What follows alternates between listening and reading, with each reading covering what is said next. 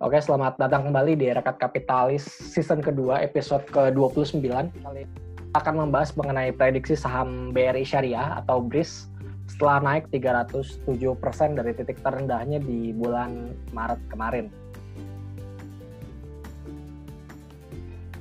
Oke, kita langsung bahas aja sejarah dari Bank BRI Syariah. Hari ini gue ditemanin sama Julio. Halo, halo.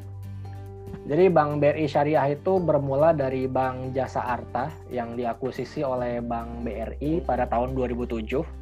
Kemudian PT Bank Jasa Arta dikonversi menjadi Bank Syari BRI Syariah pada 2008. Kemudian Padahal konven ya?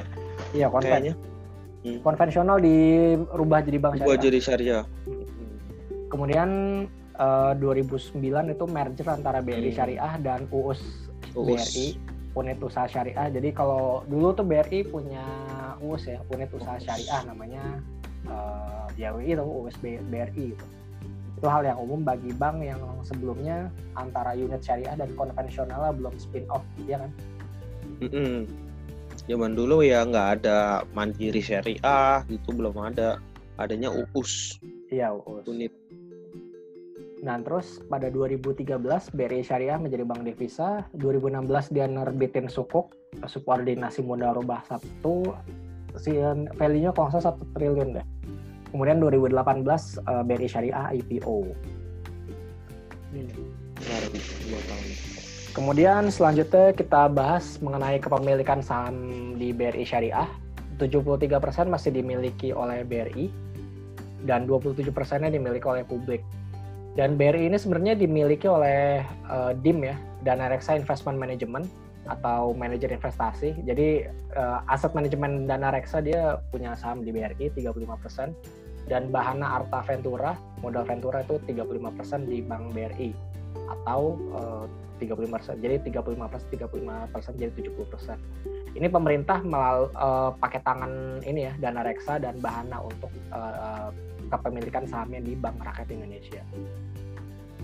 Kemudian BRI ini punya saham di berbagai anak usahanya. BRI Syariah itu 73%, BRI Agro itu 87%, BRI Remittance itu 100%, BRI Life Insurance itu 91%, kemudian BRI Finance 99%, BRI Venture Ventures itu 97,6%, dan dana reksa sekuritas 67%. Yep. Jadi dari dana reksa investment management BRI baru dana reksa sekuritas. Makanya kalau dana reksa itu kalau ngeluarin reportnya Bank BRI dia nggak pernah ada ratingnya soalnya uh, afiliasi jadi nggak boleh ada ratingnya buy, sell atau hold itu nggak boleh ada kalau masih afiliasi. Kemudian bentar apalagi yang bisa gue ceritain ya? Oh ya, uh, BRI Ventures ini BRI Ventura kalau nggak salah dia punya anak usaha ya uh, pembiayaan Ventura. Cuman gue lupa namanya apa sayangnya. Ada dia punya fintech juga sebenarnya dari oh. Gua ya ini ini kayak ini kayak PI-nya gitu bro. Iya. PI-nya uh, BRI uh, nah so Telkom Telkom juga punya kayak gini uh, uh, MV MV-nya gini modal Ventura-nya gini. Jadi dia buat mendanai hmm, fintech fintech sih secara khusus benar fintech yang skalanya masih kecil sih yang yang cuman misalnya minjem 2 juta US dollar gitu. Atau satu juta US dollar butuh funding. Nah ini soalnya teman gue ada yang eh saudara gue ada yang pernah kerja di Telkom punya modal Ventura gini. Oh oke okay, oke. Okay, dia jadi buat itu tuh. Ya bener. Untuk ya dia lu bilang tadi punya anak usaha fintech kan? Iya. Hmm. jadi si BRI ini juga udah masuk fintech di sana. Nah fintech itu sebenarnya juga untuk menjembatani UMKM media sih. Jadi kalau misalnya di apa di bank BRI kesulitan minjem gitu misalnya dia uh, di bank BRI-nya mau ngajuin UMKM susah gitu. Nah itu dia alternatifnya bisa lewat modal venture-nya dia. Sayang gue lupa modal venture-nya apa mungkin gue nanti gue yang online itu ya kredit UMKM online iya mungkin nanti gue hmm. bisa search siapa aja nah untuk posisi BRIS sendiri sekarang uh, ada di Bank Buku 2 dengan modal inti 4,86 triliun sebagai informasi aja bank buku itu dibagi jadi empat ya. Bank buku satu itu modal intinya dari 0 sampai 1 triliun. Bank buku dua itu modal intinya 1 triliun sampai 5 triliun. Bank buku tiga itu modal intinya 5 triliun sampai 30 triliun. Dan bank buku empat itu eh, uh, 30 triliun ke atas. Jadi bank BRI ini, BRI Syariah ini masih, ya masih kecil banget ya. Jadi nyampe 5 triliun triliun aja belum nyampe untuk uh, modal intinya dia. Mhm. Kemudian bisnis dari BRI Syariah ini dia cita-citanya menjadi leading syariah banking in Indonesia. Dia memimpin di segmen retail consumer. Ya iyalah, anak usahanya BRI masa nggak ini pembiayaan perumahan, pembiayaan multiguna dan purwana, pembiayaan umroh dan halal tour dari emas dan consumer financing. Mungkin lu bisa cerita sedikit loh untuk yang BRI Syariah yang di ini yang pembiayaan perumahan mungkin gue sih nggak pernah ngelihat BRI syariahnya nih kebetulan kalau tapi kalau BRI-nya BRI konvennya pernah ya pernah. Itu dia bagus nih lumayan. Dia eh ngomongin ininya bro. Ngomongin skema nih nggak apa-apa. Nggak usah nyanyi nyanyi nanti aja nanti aja. terus yeah. si BRI Syariah ini juga memanfaatkan nasabah komersial BRI-nya jadi si jadi kalau misalnya si nasabah BRI ada channel nah ini bisa dimanfaatkan sama si BRI syariahnya. Joint financing misalnya. Terus kemitraan uh, dengan BUMN dan anak BUMN untuk akses ke pendanaan. Kemudian dia mengembangkan bisnis retail SME small medium enterprise linkage mikro berbasis digital. Nah ini yang berbasis digital tadi gua rasa sih uh, nyangkut sama ini ya udah ventura tadi gua rasa. Hmm. soalnya dia juga ada syariahnya kalau nggak salah Kemudian dia mengembangkan value chain nasabah existing, komersial, dan BUMN, serta perusahaan swasta terkemuka. Kemudian peningkatan kualitas aset dan recovery. Ini gue kurang paham kalau yang ini. Nah, kemudian ini kan sebenarnya ada rencana merger ya, Bank Syariah Nasional. Bank BRI Syariah, Bank Mandiri Syariah, Bank BTN eh, Syariah. BTN Syariah ini mas ingat gue masih uusnya BTN kalau nggak salah. Unit usaha belum spin off. Setahu gue ya belum spin off setahun gue. Kemudian untuk BNI Syariah ini juga ada. Jadi total himbarannya Syariah ini total asetnya bisa mencapai 236,86 triliun. Tapi Oh, himbara. Himbara itu yang himpunan bank negara. Oh, empat itu. Iya, empat itu ya. Empat itu. Himbara ya. Hmm, cuman ini yang untuk iya, iya. Uh, cuman itu syariahnya masih kecil ya sebenarnya masih 236,86 triliun doang. Kalau kita banding sama BRI, bank bank dengan aset terbesar di Indonesia itu di tahun 2019 ya aset BRI itu BRI itu BRI saat 1416,76 triliun. Ini ingat ya 1416,76 triliun. Jadi banyak banget. Dan hmm. aset syariah ini masih kecil dibandingkan dengan aset BRI. Sebenarnya kalau apa? Kalau misalnya suatu saat nanti ya, suatu saat nanti ada ya mungkin ada ide yang luar biasa gitu misalnya Bank Mandiri sama Bank BNI itu merger atau Bank hmm. Mandiri akuisisi Bank BNI itu baru ngalahin. itu bisa ngalahin BRI mungkin baru baru bisa ngalahin BRI Setelah, tapi kalau misalnya masih misal-misal kayak sekarang itu BRI masih jadi championnya sih untuk aset BRI tapi BCA kenapa enggak menurut lu BCA BCA kenapa? aset BRI ngalahin hmm. aset BRI kalau gue rasa bisa ya bisa. Cuman kan maksud gue kalau mis kita gini jangan berbicara untuk konteks lokal sih maksud gue untuk oh. berbicara di konteks ASEAN gitu. Konteksnya kalau untuk Asia. Cuma kan kalau dari segi aset itu kita masih nomor berapa gitu kalau nggak salah untuk kawasan ASEAN ya. Pertama itu kalau salah DBS DBS oh. sama UOB kalau salah. BCA nah, ini maksudnya gimana? BCA kan lokal bro?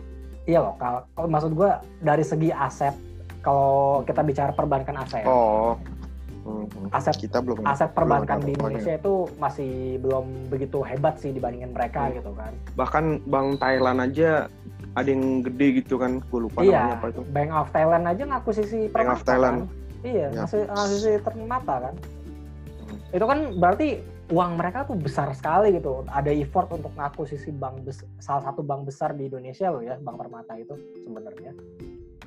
Tapi BRI juga ada juga. Gue lupa sih eh, salah satu dari Himbara itu ada yang akuisisi bank di luar negeri juga, bro. Ya itu betul, itu betul, itu betul. Cuman maksud gue kalau dari segi aset ya kita masih belum bisa mengalahkan mereka. Kalau kita merger gitu misalnya bank-bank itu merger, nah itu baru gitu bisa ngangkat ke atas. Lagian sebenarnya ya kalau dipikir-pikir nih, bank di Indonesia tuh banyak banget. Sampai ratusan coba.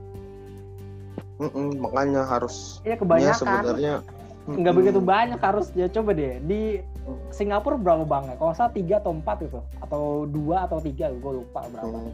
Di Thailand juga berapa.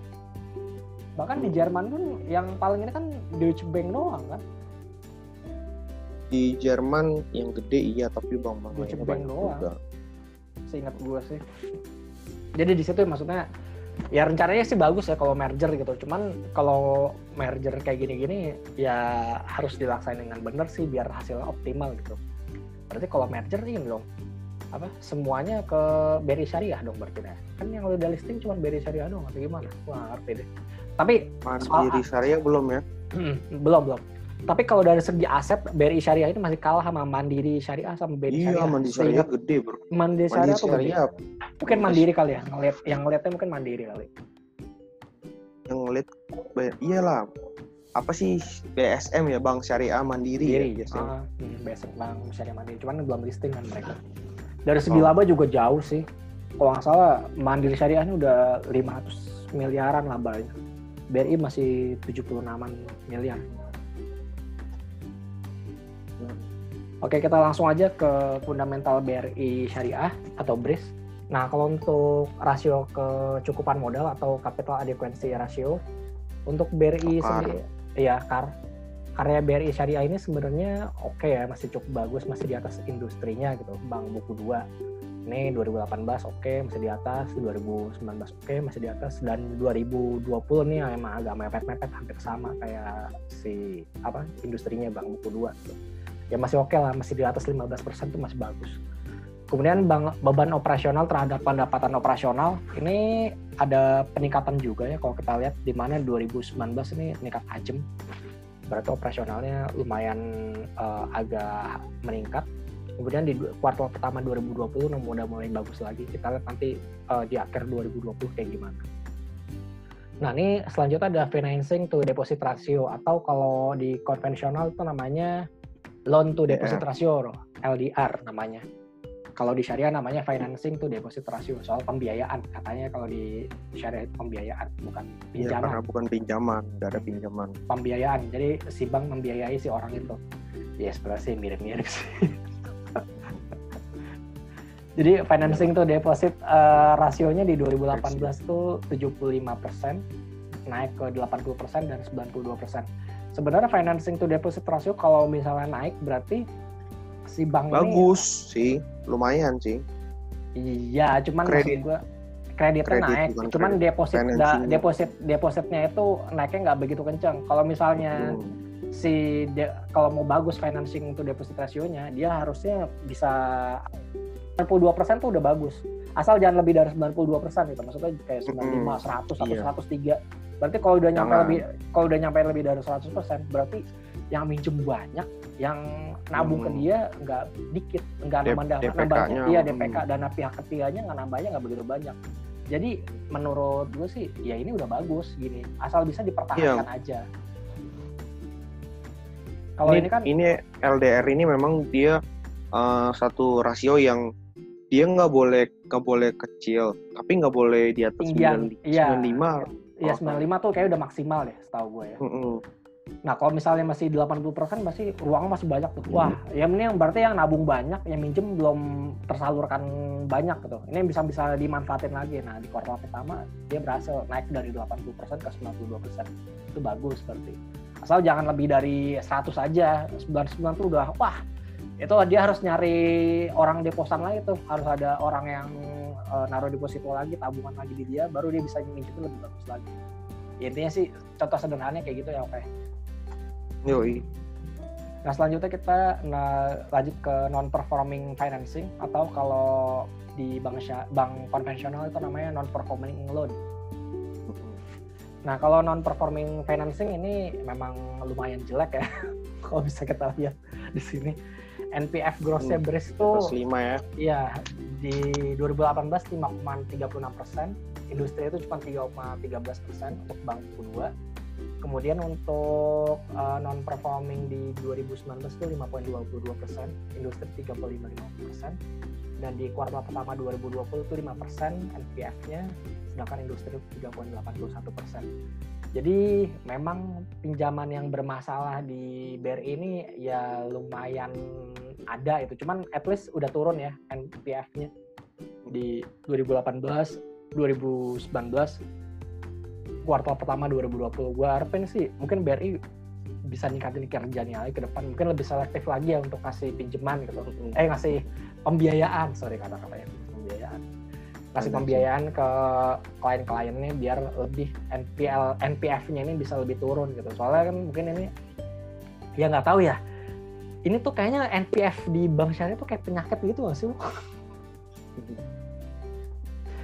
ya contoh deh muamalat yeah. gitu. Muamalat gitu kan itu kan bank syariah itu NPF-nya kan tinggi gitu setahu gue ya. Gue nggak tahu angkanya pastinya berapa. Seingat gue tinggi mungkin 6% atau berapa koreksi kalau gue salah. Gue agak lupa kalau si bank muamalah itu berapa. NPF-nya tinggi setahu gue dan itu penyakit bank syariah sih NPF-nya itu tinggi. Suka kayak gitu ya? Iya. Hmm. entah orang nyari apa nyari curang di sini atau gimana gue gak ngerti deh. Kenapa bisa kayak entah, gitu tuh? NPF entah, si bank syariah tuh tinggi gitu. Skemanya masih belum bagus skemanya ada bolongannya iya ada celah, ada celahnya banyak segala macam ya gimana ya? Mentang-mentang syariah gitu dia nyepelein gitu ya? Atau gimana? Gue gak ngerti deh. Mungkin kita lanjut ke valuasinya mungkin. Nah valuasinya BRI Syariah ini sebenarnya uh, di 2018 pas IPO itu sekitar 1.20 kali ya. Price value ini uh, jadi nilai bukunya dia dibandingin harga dia dibagi sama nilai bukunya dia kalau kita lihat di 2018 itu masih 1.27 kemudian turun ke 0.26 kali. Dan pada saat turun kok 0,26 kali itu harganya di 150 Heli. dari 600 jadi turunnya sangat-sangat dalam. Dari 600 turun ke 125an dan itu dari PBV 0,26 kali ini ke naik lagi ke sekarang PBV-nya 1,11 kali dan itu dia udah naik sekitar 307% dari titik terendahnya di 150-an. Wow. Sayang gue gak ngeliat saham ini gitu. Gue agak nyesel juga gue gak ngeliat saham ini gue. Serius. Gue agak nyesel gak ngeliat saham ini. Iya. Karena naiknya signifikan banget. Yang gue liat, ya emang sih waktu pas di bulan Maret, April tuh kan ya kita fokusnya di saham-saham gede aja ya. Maksudnya kan kita nggak expect hmm. bank-bank kecil juga bakal ikut naik. Luar biasa. Lebih luar biasa lagi dari dari bank dari bank besarnya gitu kan. BRI, BCA, BNI dan Mandiri itu kan wah waktu itu kan turunnya udah lumayan dalam banget kan. Turun 50 ada yang turun 40 persenan ada yang turun 30 persenan. Ya hmm. ibaratnya merem aja Bismillah aja ya udah itu bisa naik lagi sahamnya gitu Cuman kan kalau uh, BRI Syariah ini kan waktu itu kan kita nggak pernah tahu kan kalau ternyata dia di PB 0,26 ini dinaikkan karena dibalik lagi ke 1,1 lagi. Dan equity-nya juga iya. masih equity juga masih cukup bagus ya sekarang di 5,27 triliun, 5,88 triliun sekarang di 5,166 5,166 triliun. Ini baru nih triliun nih, nggak kayak episode yang kemarin ya. Yo eh miliar ini jadi, baru. Ini baru triliun nih bukan kemarin apa ya? Oh iya, iya, iya. iya kemarin kan silak kan cuma miliaran doang bukan triliun. Hmm. nah, ini baru uh, equity-nya udah triliunan ya. Jadi udah 5,166 triliun. Equity ini nggak sama sama kayak modal intinya. Jadi equity ini udah campur sama saldo laba ditahan segala macem. Jadi beda ya modal inti itu ya modal intinya si bank modal intinya si bank itu bakal jadi besar lagi kalau labanya terus naik diakumulasi dari tahun ke tahun itu baru jadi masuk ke modal intinya dia. Yep. Nah, jadi uh, ke kemudian dari ini kita beralih ke teknikalnya ya. Coba kita ke teknikalnya dulu. Nah, ini teknikal dari saham BRIS, di mana saham BRIS ini sempat naik 23% di tanggal 28 kemarin congrats bagi yang udah beli ya. Itu oke okay banget kinerjanya. Dan kita Mei oke okay, nih nih nih nih. Dari sini nih. Ini kan 150 135 malah low-nya itu. Di tanggal hmm. 24 Maret 2020 naik ke sampai ke 600 kemarin ya naiknya. Jadi udah kencang banget.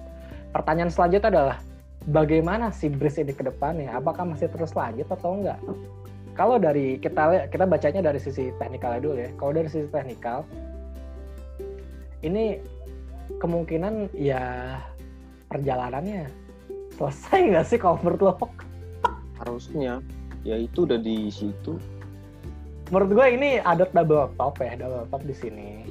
Jadi si BRI Syariah ini udah mencapai di 600 menurut penglihatan kita di sini ini udah nyampe 600 ya kalau misalnya si BRI Syariah dalam beberapa hari ke depan nggak mampu nembus dari level 600 ya kemungkinan bullish-nya uh, berhenti dulu kemungkinan besar. At, at least dia kembali sideways di area 500-an dulu menurut gua.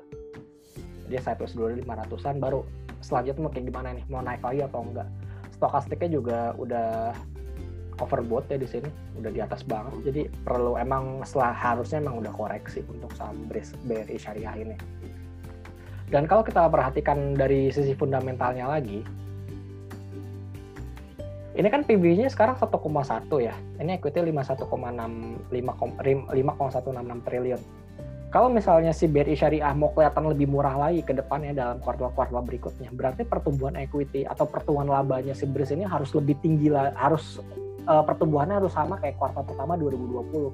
At least dia harus tinggi terus tuh selama tahun 2020 biar tetap PBV-nya ini uh, harganya PBV-nya turun lagi ke misalnya ke 0,8, 0,9 kalau misalnya si equity-nya ini naiknya nggak begitu signifikan dan PBV-nya di situ, ya udah berarti ceritanya si BRI Syariah ya selesai di 600 gitu. Nggak bisa Atau lagi ya, ke gimana gimana? Atau ya PBV-nya turun karena price-nya turun. Nah, nah, itu kemungkinan kedua kan. Itu kemungkinan kedua. Kemungkinan pertamanya ya si BRI Syariah ini uh, kinerjanya harus benar naik signifikan biar si PBV-nya ini bisa turun lagi. Misalnya at least ke 0,9 lah atau 0,85 atau berapa gitu soalnya kalau misalnya si equity-nya ini nggak naik uh, signifikan ya susah ya ke depan kemungkinan ya udah segini aja paling mentok di 1,27 ya itu udah dikit lagi berarti sekitar 650 atau berapa balik ke harga IPO-nya di awal lagi kan upside-nya jadi udah tinggal ya, sedikit, sedikit banget udah tinggal hmm. sedikit banget kalau misalnya si BD Syariah ini kinerjanya nggak terus uh, hmm. wonderful ya ke, ke depannya gitu tapi ya lu ngarep wonderful di tahun kayak gini gimana caranya bro Nah, itu juga sih. Logika lu ya masuk kan? kayak gitu. Logika lu masuk kayak gitu tuh. Uh-uh. Tapi induknya sih BRI ya, kita bicara BRI itu masih aman-aman aja sejauh ini sih, ya, masih aman. Aman kan? Aman. Cuman, aman tapi untuk lari kan enggak. Enggak, untuk lari enggak. Cuman BRI Syariah ini kan kita udah lihat tadi si non performing loan-nya aja udah lima persen gitu loh. Maksudnya hmm. yang yang diambang. berpotensi diambang enggak peredar macetnya itu udah lima persen gitu gimana nanti misalnya si kuartal keduanya ini keluar atau gimana itu ya mudah-mudahan sih kita berharap yang terbaik ya. Misalnya di bulan April sampai Juni ini kinerjanya yang gak begitu kenapa-kenapa lah. Jadi si dari syariah ini masih bisa oke okay ke depannya gitu cuman kalau misalnya emang seperti yang kedua kita prediksi ternyata benar gitu ternyata kinerjanya malah anjlok di kuartal kedua ya apa boleh buat? Kemungkinan besar sahamnya akan turun lagi. Kita bicara dari uh, fundamental ya. Dari technical juga sebenarnya udah mendukung untuk sahamnya untuk turun lagi gitu. Nah mungkin kita lanjut ke ini ya. Uh, market preview mungkin kita lanjut ke market preview. ISG udah di 5150 congrats. Naik lagi. Kemarin prediksi kita apa ya? Kita kemarin prediksinya kayak bullish ya? Gue lupa deh. Kayaknya iya deh. Bullish ya kayaknya waktu itu. Ya minggu ini benar lah kita. Dari ya. awal Juli itu si ISG ini ya naik 5% bullish lumayan. 5% naik 5% jadi gue kan pernah nge-tweet tuh di Rakyat Kapitalis uh, bulan Juli itu sebenarnya salah satu bulan terbaiknya ISG gitu. Dia cuma naik turun dua kali doang selama 10 tahun terakhir dan ternyata ini melanjutkan trennya yang itu. Dan hari ini udah hari terakhir ya. Udah, ini hari udah, ini udah hari terakhir. Dan men menariknya itu Agustus. Agustus itu salah satu bulan terjeleknya ISG. Hmm, hmm, hmm, makanya gue juga udah jual saham gue.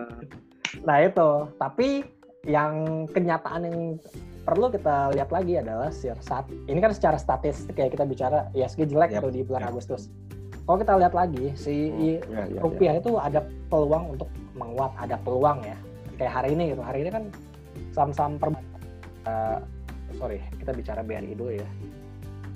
Hari ini emang naik, Pak. Naik BRI. 1,3 persen, terus BCA.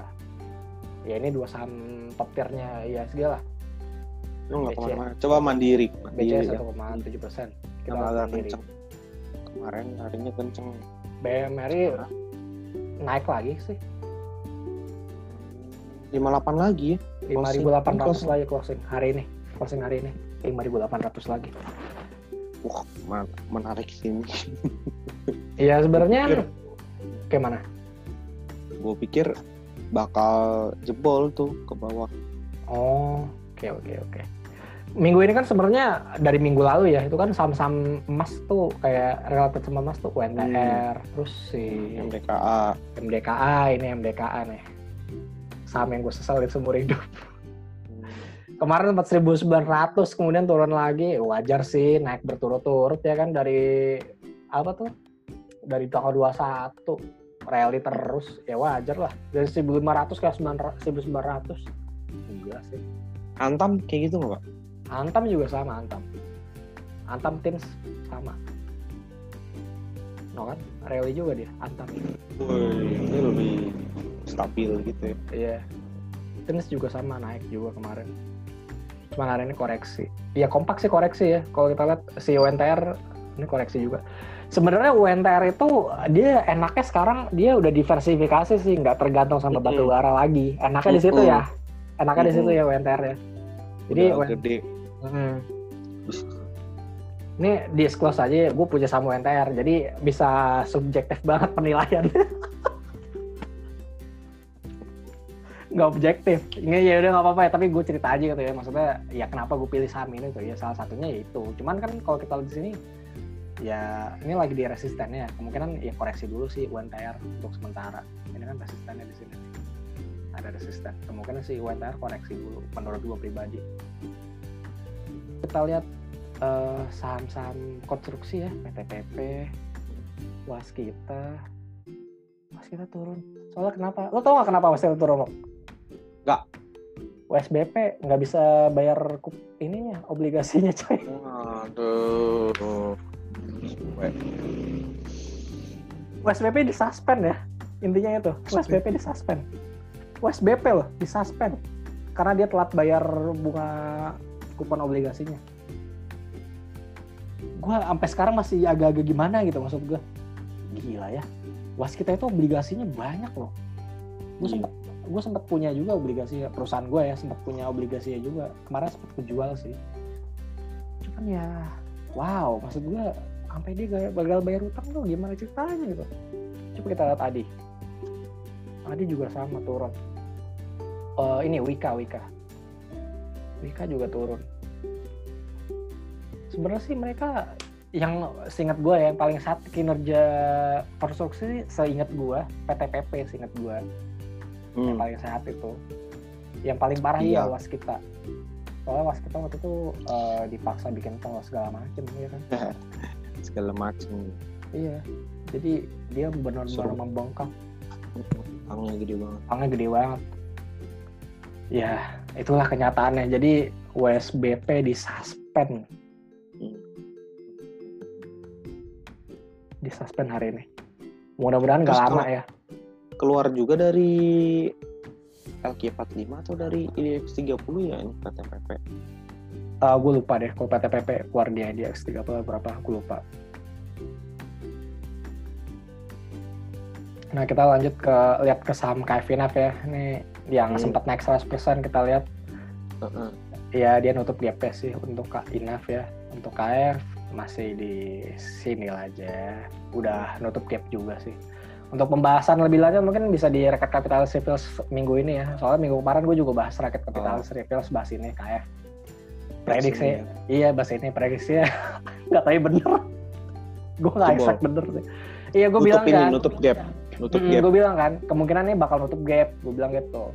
Uh, kemungkinan si KF Inaf ini dua atau tiga hari dia bakal auto reject terus kemudian di hari keberapanya dia bisa rebound dari kenyataannya kayak gitu soalnya kalau gue lihat perhatiin dari tren ah, dari historical dia kayak gitu dia dua hari tiga hari turun turun turun kalau turun signifikan ya dia pasti langsung rebound mungkin reboundnya bisa satu dua hari ya bagi yang belum punya sih bisa dijual bagi yang udah punya bisa yang dari punya dari bawah ya bisa dijual terlebih kalau yang udah punya di atas ya kebijakan kalian masing-masing lah kalian mau kalau segala macam mau mau masih bisa keluar ya nggak Iya benar. Mau bisa bisa keluar, cari saham yang hmm. normalan dikit lah. Ada saham Bank Mandiri, ada saham Bank hmm. BRI.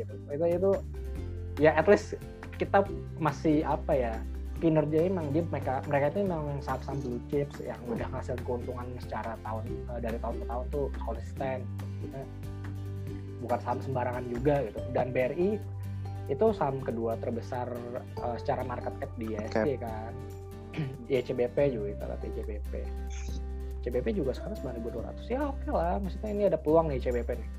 Kalau misalnya dia ini pasti kemudian kita lihat nih ya at least ke berapa sih ini resistannya ke 9400 lah dari 9200 jadi ya cukup kalau untuk bagi yang bagi yang terjun pertama kali ke uh, bursa gitu ya baru pertama kali investasi saham jangan coba-coba saham-saham modelan begini dah. Ini bener kalau lu nggak ngerti polanya kayak gimana, yang ada lu kejebak di sini.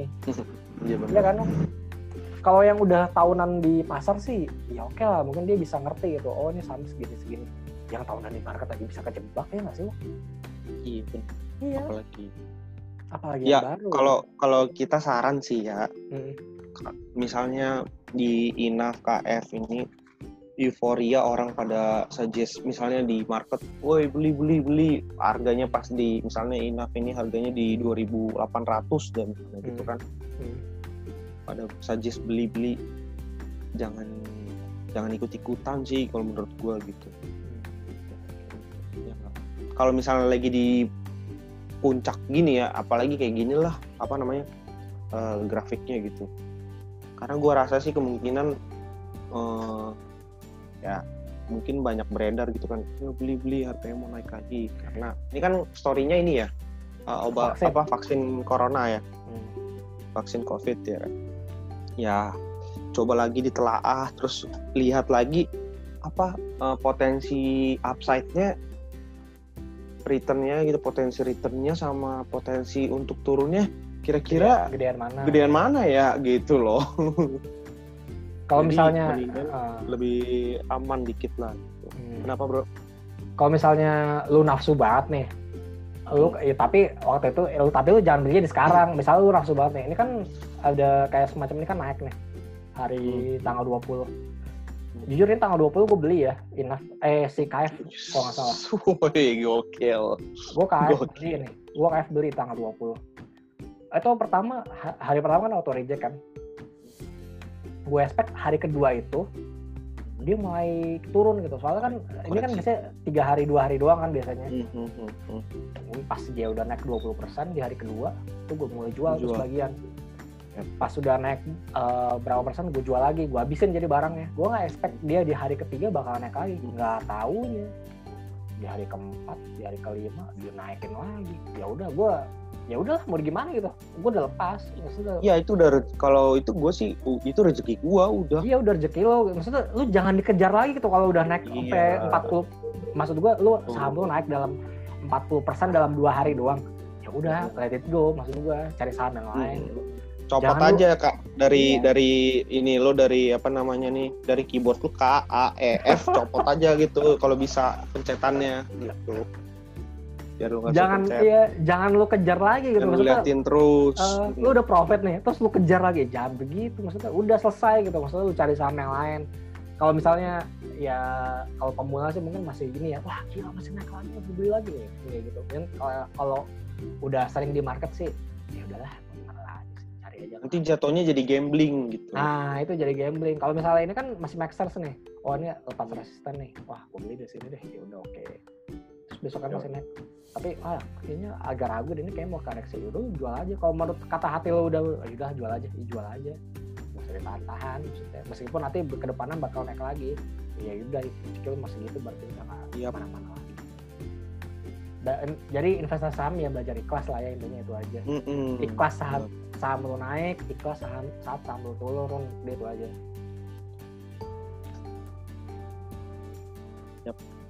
jadi mungkin itu aja dulu dari rakyat kapitalis episode ke 29 gue Julio pamit undur diri dulu jangan lupa subscribe uh, aku, re, apa YouTube channel Rakyat Kapitalis. Kalau ada pertanyaan bisa kirim ke Twitter kita juga. Atau kalau misalnya ada pertanyaan lain juga bisa kirim ke email kita di rakyatkapitalis@gmail.com. Jangan lupa untuk dengerin podcast kita. Ada ada versi podcast juga untuk Rakyat Kapitalis ini di Spotify dan Kurio namanya Rakyat Kapitalis juga. Gue Farhan dan Julio pamit undur diri. Kita akan berjumpa kembali di episode berikutnya. Bye-bye.